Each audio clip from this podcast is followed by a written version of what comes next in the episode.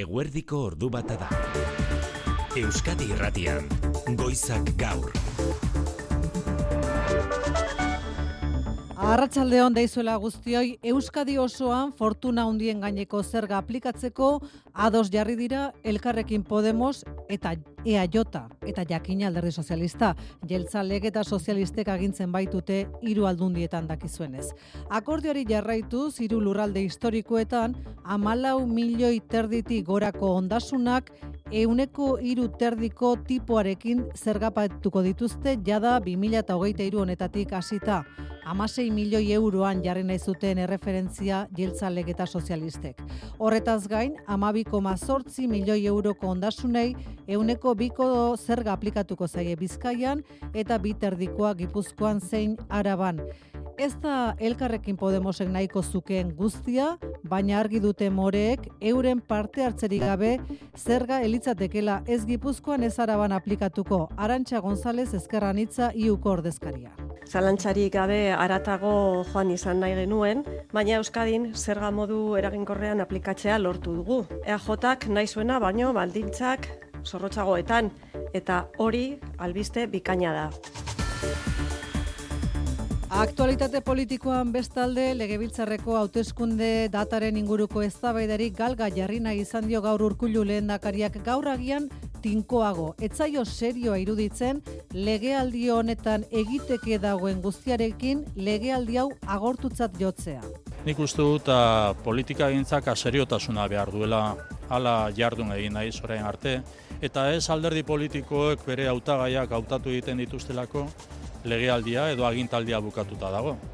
Aurreikuspen ekonomikoen inguruan, korreo kantolatutako jardunaldietan hitz egin du Inigo Urkullu lehendakariak justu azaroko langabezia datuak ezagutu ditugun egunean igotzalkorta arratsaldeon. Arratsaldeon langabezia bere egindu du azaroaneko Euskal Herrian eta gizarte segurantzak beste errekor bat ezarri du uneotan milioi bat eta 320 mila pertsona daude Euskadin eta Nafarroan gizarte segurantzan kotizatzen. Lurraldez lurralde joerak ezberdinak dira ordea Nafarroan eta Araban langabetu kopurua gora egindu. Foru erkidegoan duela hilabete baino 160 laurogei langabe gehiago daude orain, aldiz Gipuzkoa eta Bizkaian langabeziak bera egin eta lanpostuak sortu dira. Urkullu lendakariak ekonomia foro batean azpimarratu du Euskal Autonomia Erkidegoak egunduen zazpiterdiko langabezia tasa seitik bera jeistea dutela helburu. Gazan jada ez da leku segururik. Israelgo armadak ipar eta ego bombakatu ditu azken orduetan eta Gaza hegoaldean dagoen Han Yunis irira bidean jarri ditu tankea. Larun batean sueten hautsizenetik ona 800 palestinar baino gehiago hil ditu Israelek. Bien bitartean Israelen bertan Tistaklula lanu bainain. זה הילדים שלנו! Baituen זה senideak המשפחות שלנו. aserre agertu dira Netanyahuren gobernuarekin abandonatuta sentitzen baitira lehentasuna ematen etzaiolakoan gai honi. Estatu batuetako gobernuak bere aldetik Israeli presio egiten jarraitzen du, baina momentuz inolako emaitzi lortu gabe. Dubain klima larrialdiari aurre egiteko kopo geita sortzi goibileran, Aljaber Sultanak, goibilera honen anfitrioiak, argibideak eman berri ditu, hainbeste polemika eragin dituzten bere adirazpenen inguruan. Esan du, duela hilabete inguru esan eta orain jakin ditugun adirazpen hoiek erabat testu ingurutik kanpo aterata dauden. Adirazpen horietan sultanak zioen zientziak ez duela frogatu erregai fosilen erabilera gutxitzeak planetaren berotzea galeraziko duenik. Klima aldaketa gelditzea helburu duen goibilera baten arduradun nagusiak hori esateak zalaparta sortu du, gaizki ulertuan kokatu du hauzia sultanak zientzia dutela iparrorratz esanez. We're here because we very much believe and respect the science. Eta erregai fosilen gutxitzea defendatzen duela gehitu du. Bien bitartean Dubain dein Eusko Jaurlaritzak ordezkaritzak hitzarmena sinatu du Txinako Jiangsu eskualdearekin, Euskal enpresa hainbat dauden eskualdea da eta klima aldaketaren inguruko esperientziak elkar banatuko dituzte. Imanol Goenaga Jaurlaritzaren ingurumen alorreko aholkularia faktorian. batak eta besteak lidergoa daukaten ekimen klimatikoiek elkarbanatu eta nolabait eh, bai esperientzia teknologikoak eta eh, zientifikoak trukatu pues aldaketa klimatikoan, biodibertsian, ekonomia zirkularrean, Bide batez Bilbao busen lanuzte eguna gaur, goizean lau orduko lanuzte egin dute, arratsadean lauterdietatik zortzi terdietara beste lau orduko egingo dute lan hitzarmen berri aldarrikatzeko. Abenduaren amabian ere lanuzteak deituta daude eta abenduaren hogeita batean, San Tomas egunez, hogeita lau orduko greba. Lan hitzarmenaren negoziaketan aurrerapenik ez dagoela diote sindikatuek eta obartarazi dute San Tomas egunetik aratago protesta gehiago izango direla. Jose Fernández, enpresa batzordeko presidentea. Esto tiene viso de continuidad, sí, porque mientras no haya solución, tiene que haber huelga, no, no, no, no, no nos queda otra. Urtero 2 milioi erabiltzaile dituen zerbitzua da Bilbobus eta itxura guztien arabera protesta gehiago izango dira ondoko astet. Errepidezaren nagusian une honetan eragozpenik gabe segurtasun sailak esan digunez, baina burutik kendu ezinik jarraitzen dugu eta oharso aldean zer esanik ez, atzo goizaldean lezon bi hildako eta bost auritu utzi zituen istripu larria, albistegian berehala eguneratuko dugu dugun informazioa. Euskalmetekin bat egin behar dugu, jaione munarriz arratsaldeon. Kaixo arratsaldeon. Nola datu zurrengo orduak? Ba, eguraldiak kaskartu ze joango da etozen e, orduetan, e, aizeak mendebaldera edo ipar mendebaldera egingo du eta gainera kostaldean indartxu biliko da aize arratsalde partean, aulago barnealdean eta aize horrekin ba euritara joko du, zaparradak e, botako ditu tarteka, batez ere kantauri xurialdean eta kostaldean baliteke momenturen batean ekaitzak ere jotzea. Araba eta Nafarro erdialdera ere zaparra batzuk iritsiko dira, baina tartekatuagoak eta aulagoak izango dira. Eta egoera honekin ba temperaturak behera ingo da arratsaldean eta eguneko minimoak gauean neurtuko dira eta orduan elurkota mila eta berreun metro inguruan kokatuko da. Hortaz, zarratxaldean aizea temat ibiliko da itxasertzean eta zaparradak botako ditu batez ere kantauri xurialdean. Eta bihar ere euria? Hori da, bai biharre goizean egiro bustia nagusituko da, kantauri xurialdean batez ere, ondoren barnealdean eguerdirako atertu joango da, eta kantauri xurialdean gehiago kostako bazai ere poliki-poliki arratsaldean zer atertzera egingo du. Hori bai bihar, giroa freskoagoa izango da, eta maksimoak barnealdeko leku askotan ez dira amar gradura iritsiko. Bihar arte jaione. Agur. Futbol talde negutegian Jose Maria Paulaza kopako partidak agertuko dira aste honetan. Zortzi euskal talde izango ditugulako bigarren kanporaketan aste azkenean bos partida eta ostegunean hiru, baina horren aurretik lasaitu hartutu gaur realzaleak frogatu baitute barrenetxeak ez duela orkatilean lesio larririk eta lesio larria aldakan izan zuen una ilasok. Bueno, pasada urte erdia eta gaur pilotak aukeratzen bere betiko dinamikan daukagu laso esan du oraindik ere beldur pikin bat behar bada frontoian batetik bestere biltzera zerako, baina ez zitzuliko da tolosan, laso eta aranguren artola eta imazen kontra. Eta gainera ipatu beharra dago gaur maratoia. Garbi dagoelako beste aro batean sartu dela proba, iaztik zetorren joera indartu egindu 2000 eta hogeita iruak, Valentziako probak atzo ore hori gizendu egin zuen, eta emakumezkoetan Euskal Herritar batuko protagonista, Majida Majuf, Arabarra, bi ordu, hogeita bat minutu Euskal Herriko marka berria. Ordu bat aterdietan kiro legez eta ordu bitardietan kultur leioa Durangon, asteazkenetik aurrera liburu eta disko azoka egingo dute, baina baita Euskal Eskulturari eskinitako azoka ere manu sortu. Kaixo maite, Euskal Herrian bere garaian eskulturak izandako indarra berreskuratu nahian azoka berria sortu dute basarta ditu dute Euskal Eskultura azoka Durango hau ere eta asteazkenetik aurrera liburu eta disko azoka bezalaxe laurogei artista ingururen lanak erakutsiko dituz dituzte eskultore gazteak eta ibilbide handia dutenak ere bai. Luisa Aldaburu esku ahaldunak eskultore elkartea.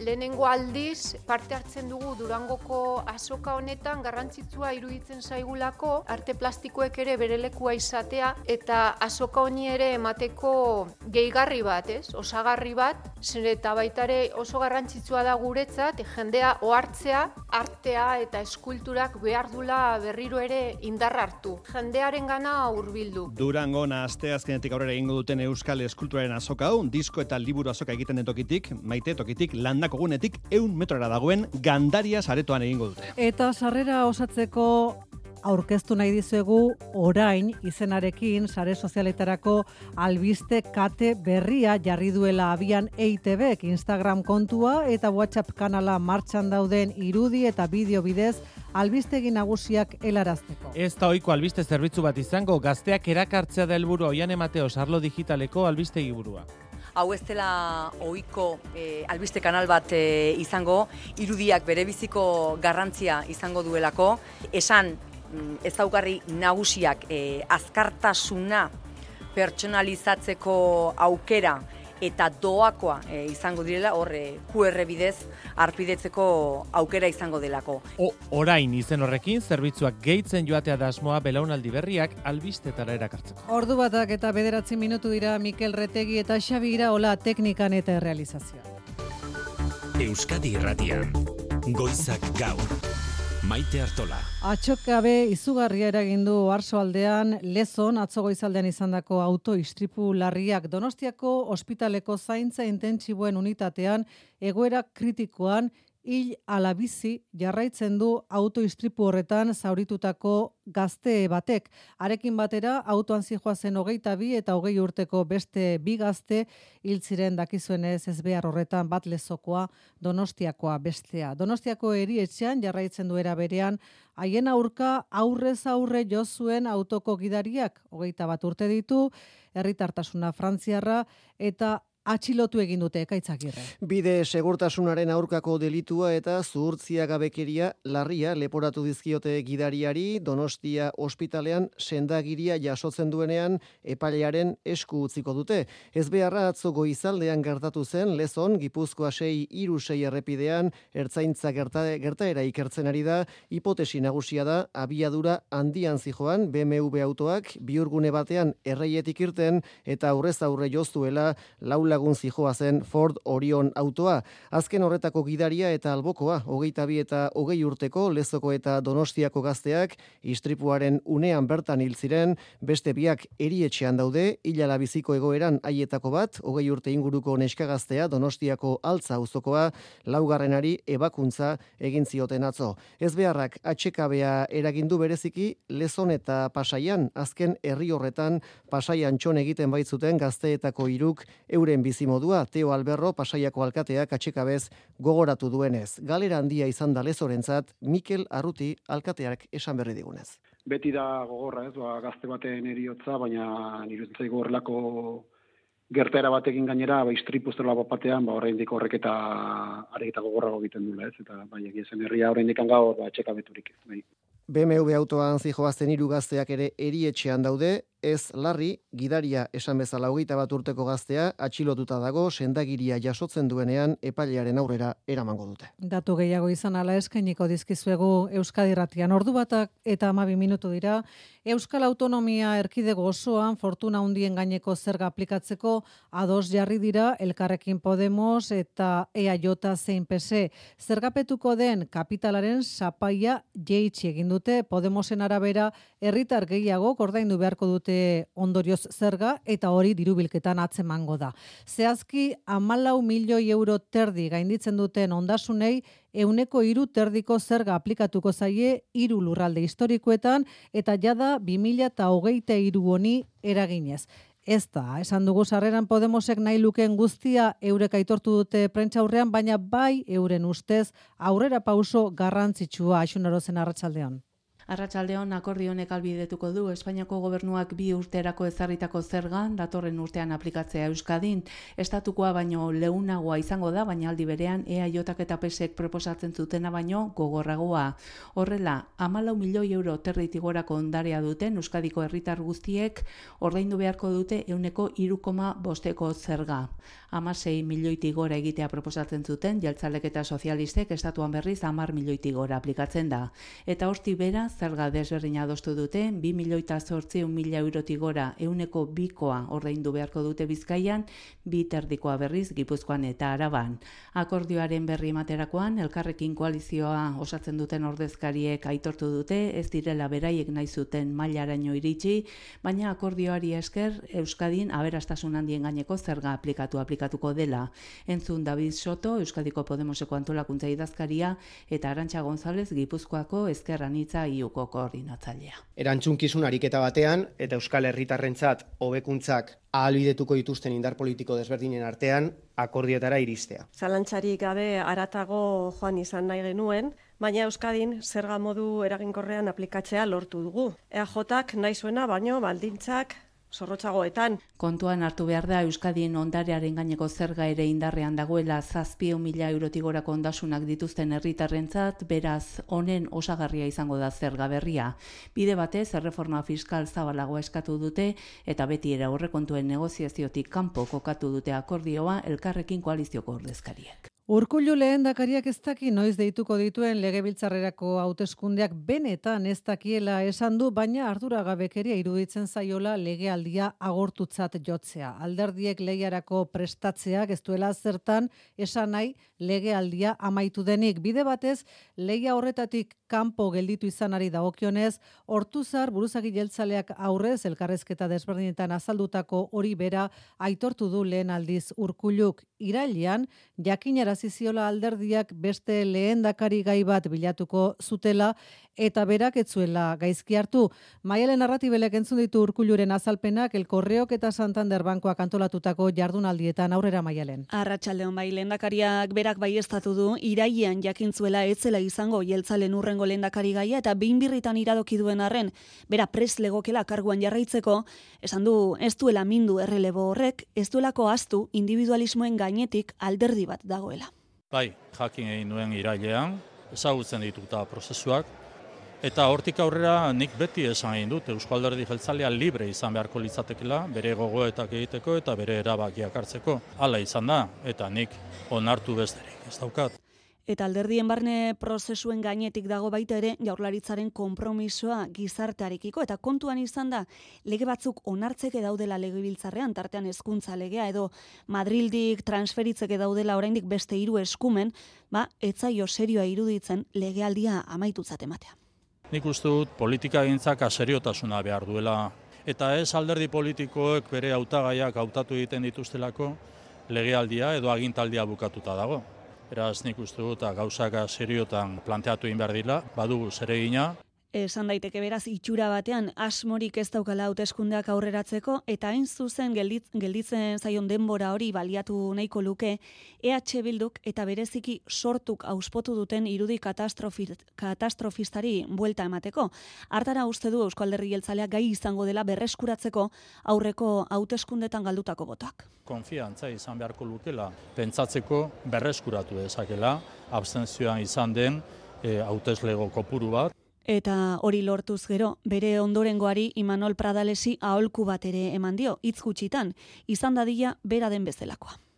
Urriko datu txarren ostean, azaroak bestalde albiste baikorragoak utzi ditu enpleguari dagokionez duela hilabete baino, mila irureun eta hogeita amairu langabe gutxiago zenbatu dituzte ego euskal herrian, eta gainera ia bi mila eta irureun enplegu sortu dira. Horri esker, gizarte segurantzan izen emandakoen kopurua inoizko handiena da. Euskal Autonomia Erkidegoko datu esker, lortu da hori, Nafarroan segida izan baitu urriko joera txarrak iturria gagoitia. Urria baino eunda irurogei langabe gehiago zenbatu dituzte azaroan foru erkidegoan eta gainera ia irureun lanpostu suntxitu dira. Araban ere enplegu galera txiki bat izan da, berrogei lanpostu galdu dira, baina lurralde hortan langabezia euneko bi baino gehiago murriztu da. Bizkaian eta gipuzkoan apalagoa izan da langabeziaren jeitxiera, baina bi lurralde horiek izan dira azaroan enplegua sortu duten bakarrak. Inogurkulu lehendakariak enplegu datuak ere izan ditu izpide elkorreo kantolatu aipatutako topagune ekonomikoan eta nabarmendu du azken hamar urteetan Euskadiko langabezia tasa erdira baino gutxiagora murriztu dela euneko amaseiko maseitik euneko zazpiko mabostera. Horrekin batera gogorazi du ordua baino eunda hogeita masei mila landun gehiago daudela orain eaen eta honako helburu hau aipatu du 2000 eta berrogeira begira. Langabezia tasa euneko seitik bera jeistea.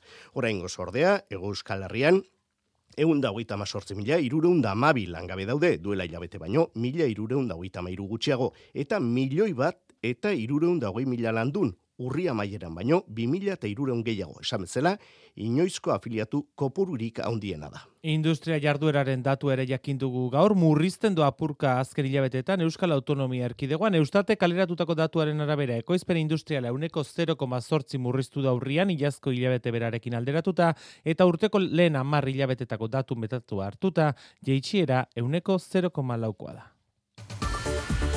Goizak gaur.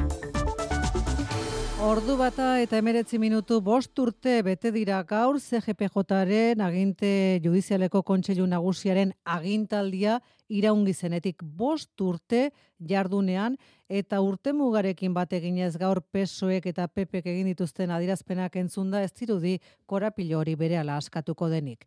Sánchez presidenteak zer irrati kateari eskenitako elkarrezketan adirazi du CGPJaren blokeoa dela lawfare edo politikaren judizializazioaren adibiderik argiena.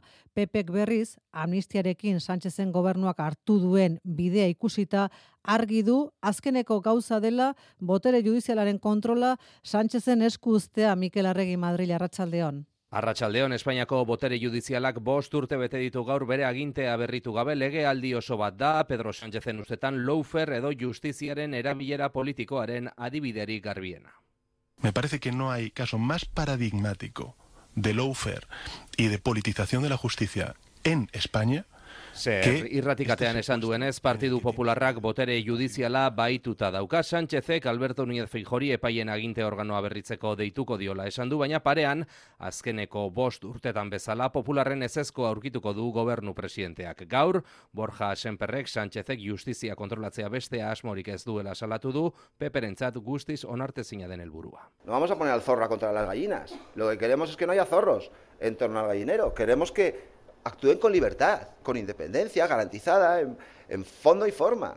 Senperrek gogoratu du Pepek botere judiziala berritzeko beste proposamen bat duela organoko bokalak epaiengatik aukeratuak izan daitezen sistema aldatu ezean, popularrek pesoerekin hitz egiteko ez errez dutela gaineratu du. Testu inguruenetan, fiskal eta epaie progresisten elkarteek dimisio aurkezteko eskatu diete botere judizialeko bokalei bost urteko blokeoa lehen bailen gainditzeko asmoz. Ba, Feliz Bolaños Justizia Ministrak besterik esan zuen arren, Didier Reinders, Bruselan Justizia Komisariak berretsi du, baietz amnistiren legaren inguruan badituztela galderak Europako batzordean eta galderak izaten eta Espainiako gobernuarekin harremanetan jarraituko dutela lege prozesuak irauten duen bitartean ez dutela ebaluazioa burutuko onartzen ezten arte. Justizia kontseilura sartu denean, egin ditu adirazpen horrek reindesek, Feliz Bolaños ministroak ere hitz egin duzarreran, baina gai honi buruzko galderak ez ditu onartu Amaia Portugal, arratsaldeon. Arratsaldean bai Justizia Komisarioak ez ditu goitik berak gezurtatu nahi Bolainosek esandakoak, baina garbi utzi du amnistia legeari buruz badituela galderak eta galderak izaten jarraituko duela batzordeak ezpaitu behin betiko ebaluazioa gauzatuko testua onartu arte balizko emendakin eta guzti. Didier Reinders. I have raised some questions and I confirm that, but I want to make more detail to give more details about it. Justizia kontseiura sartzean egin ditu adierazpenok, Bolainosek berriz ez du amnistia legea zitzegin, ez du galderarik onartu, hori bai, inor galdetu gabe egin ditu adierazpenak botere judizialaren kontseiu nagusiaren berritzeaz, beste behin errua alderdi popularari leporatuta. Bolainos kontseiura sartzen, sartzen ari zen ordu berean, zegoen Pedro Sánchez ser irratikatean, esan du, Europar batasuneko liderrak ez diotela amnistia galde, legeaz galdetu, investidura burutzeagatik zorion du baino ez dutela egin. Yo no voy a decir de 0 a 100, porque pero sí que le diré que en mis conversaciones que yo tengo con líderes europeos, nadie me pregunta por ello, al contrario, todo el mundo me felicita por haber logrado armar eta bolainosek elkarrekin eman beharko dute prentxaurrekoa gero arratsaldean justizia kontseilua bukatutakoan. Espainiako gobernuak Europar Batasuneko kontseiluko buruzagitzari eusten baitio urtea bukatu arte. Jar gaitezen oraineki alde hurbilera begira, jada Gaza osoan ez ipar ez ego ez da leku segururik nola Franjaren zati bat alabeste ari baita bombakatzen Israelgo armada. Erdialdeko zonaldea berriz borroka leku bihurtuta dago eta une honetan Jan Yunis hegoaldeko irira bidean doaz Israelgo tankeak larun batean suetena etentzenetik gutxienez 800 palestinar hildituzte Israeldarrek. Ekialde hurbiletik berri emale Mikel Aiestaran arratsaldeon. Arratxaldeon, bombardaketa gogorrak egin ondoren Israelek eskalandiko lurreko operazioa martxan jarri du gazako egoaldean. Jan Yunis da, armadaren helburu berria, iparraldetik ies egin zuten milaka gazatarrentzat babesleku bihurtu zen iria. Orain, Rafajera joateko deia jaso dute zibilek Egiptoko mugara. Erasoak bortitzak dira eta larun batetik tregu amaitu zenetik, zortzireun hildako baino gehiago daude osasun ministerioaren arabera. Jamasen eta Israelen arteko elkarrizketa purtuta dago eta gatibuen sendiak aserre daude. Netanyaurekin eta gerra gabinetarekin biltzeko deia egin dute, baina ez dute erantzunik jaso. Israelek lehentasuna eman dio gerrari eta trukeak bertan bera gelditu dira. Estatu batuetako gobernuak Israelekiko presioa areagotu egin du azken orduota negoziazioi berrekiteko eta beste sueten batera bultzatu nahian. Washingtonek gogortu egin du tonua, Palestinako zibilak babestu egin behar direla eskatuz, baina momentuz adierazpen hoiek ez dute euren aliatu nagusi den Israelen jokabidean eraginik izan New Yorken jeraidia zeite beren berri maleak azken ordua arratsaldeon. Arratsaldeon, etxe zuria esfortzu handi ari da egiten Israel eta Hamas negoziazio mahaira itzuli daitezen. Hori esan du John Kirby, Segurtasun Nazionaleko bozera maileak. We are still working it really hard, hour by hour, to see if we can't get the sides back to the table. Bidenen gobernuaren ustez negoziazioak Hamasen erruz geratu ziren bertan behera, etzuelako hitza bete askatu behar zituen baituen inguruan. Eta Israelen defendatzeko eskubidea babesten jarraitzen duten arren, erasoak berrekin dituen honetan, Washington gero eta presio handia handiago egiten ari da Benjamin eta Jahuri zibilak babestu ditzan. Joi Daustin defentsa idazkariaren hitzetan zibilak etxaiaren besoetara eramaten badira, garaipen taktikoa porrot estrategiko bihurtzen da. Hala hainbat errepublikanok salatu dute Biden Jahuri mugak jartzen ari dela eta demokrata ezkertierrenen artean berriz kesu dira presidentea estelako nahikoa egiten ari sarraskia gelditzeko. Ordu bata eta hogeita bost minutu dira Dubaiko Bizkaiko kopo sortzian goibilerako presidente Aljaber Sultanak erregai fosilen murrizketaren premia auzitan jarriz egindako adirazpenek bereganatu dute harreta azken orduotan goibileraren aurretik esandako hoiek erresuma batuko egunkari batek argitara eman eta ordu batzutara prentza aurre eskaini du ezustean arabaiar emirerrietako petroleo enpresa buru ere baden Aljaberrek zientziarekiko oraingonetan errespetua azalduz mertzitxe berria. Bai hori da bain eta berriz aljaber sultanak errepikatu duena, zientziarekiko errespetuz eta zientzia oinarri hartuta ari dela lanean kop hogeita zortzigoi bilera. Everything this presidency has been working on is focused on the science. Eta zientzia oinarri hartuta, ez dagoela inondik ere zalantzan esan du erregai fosilen murrizketaren premia, Parisen helburu jarritakoa, lurraren berotzea bat koma gradura mugatzea alegia, hori erdietxi alizateko, azaroaren bederatziko online topaketa batean esandakoa, testu inguruz kanpo hartutako esaldia dela, defendatu du alja bersultanak, prentxaurre horretan, ondoan klima aldaketari buruzko nazioarteko zientzialari paneleko burua ondoan zuela. Degardian egunkariak argitara eman duen bideoan ordea, pasarte batean baino gehiagotan ikus daiteke tirabira alja bersultanaren eta mintzakide zuen Mary Robinson Irlandako lehen ministroiaren artean, eta hau da aljaberrek zientziari buruz zioena.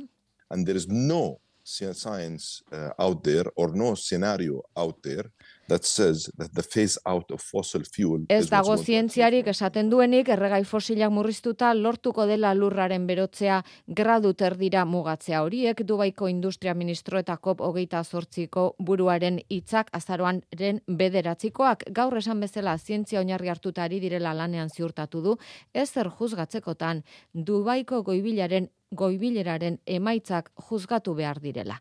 Ordurako ordea, prensa augerraldi horren aurretik iskamila undia sortua zuten Dubainaren adirazpenek, ala azaldu digu faktorian, batzarrean parte hartzen ari den, Imanol Goenagak jaurlaritzako garapen eta ingurumen saileko ordezkariak. Argi esan behar degula evidentzia zientifiko zabala dagola, non bai ezatzen dan erregai fosilen eustiapenak, petrolioa, gaza, ikatzen isuriak, e, dirala aldaketa klimatikoan arrazoi nagusi denetarikoa, ez bakarra, baina bai nagusi denetarikoa. Esango nuke, beretako benetan larria dala, koparen anfitrioaren ahotan alako astakeriak entutzea. Eta Teresa Rivera, Espainiako Transizio Ekologikoko ministroak ere, naita esko jodu erregai fosilen murrizketa nabarmena Parisko akordioa beteko baldin bada.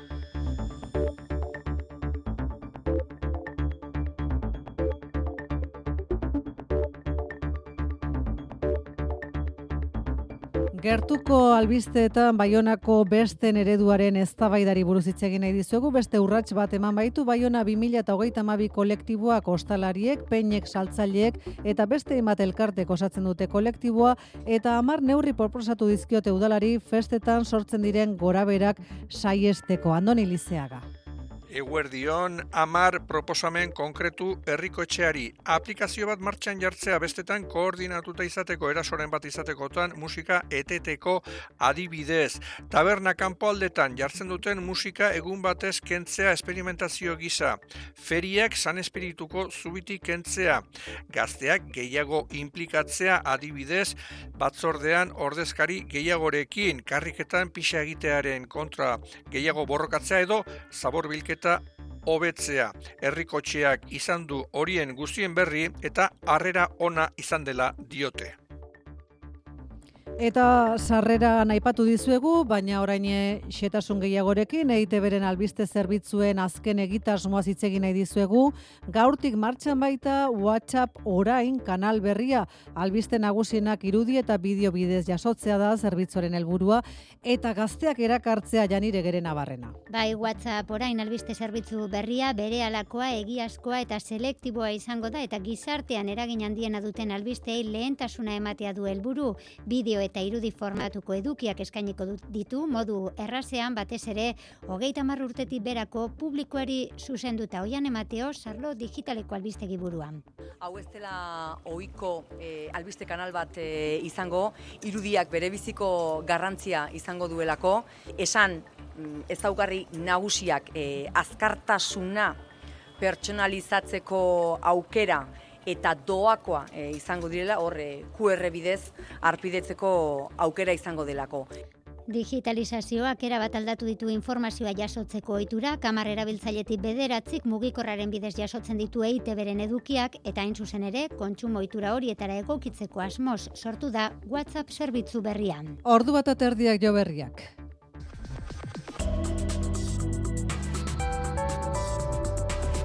Euskadi irratian eguraldia eta trafikoa. Nola dago errepidezaren nagusia Luis Eron? Eragozpen bakarra uneotan, segurtasun zaiaren arabera, N6 iruzazpi errepidean txoriarriko korridorean sondikan, donostira bidean matxuratu den kamioi batek traba egiten du eskuineko erreian. Eta hau urren gorduetarako eguraldiaren pronostikoa Euskalmeten eskutik. Aizeak mendebaldera edo ipar mendebaldera egingo du eta kostaldean gainera indartsu biliko da aula gobarnealdean eta aize horrekin ba euritara e, joko du. Zaparradak botako ditu batez ere kantauri xurialdean eta kostaldean ba ekaitzak ere jo dezake. Araba eta Nafarro erdialdean ere zaparra batzuk eh, botako ditu baina tartekatuagoak eta aulagoak izango dira hauek. Gaur eguneko minimoak gauean neurtuko dira eta orduan elurkoa mila eta berreun inguruan e, kokatuko da.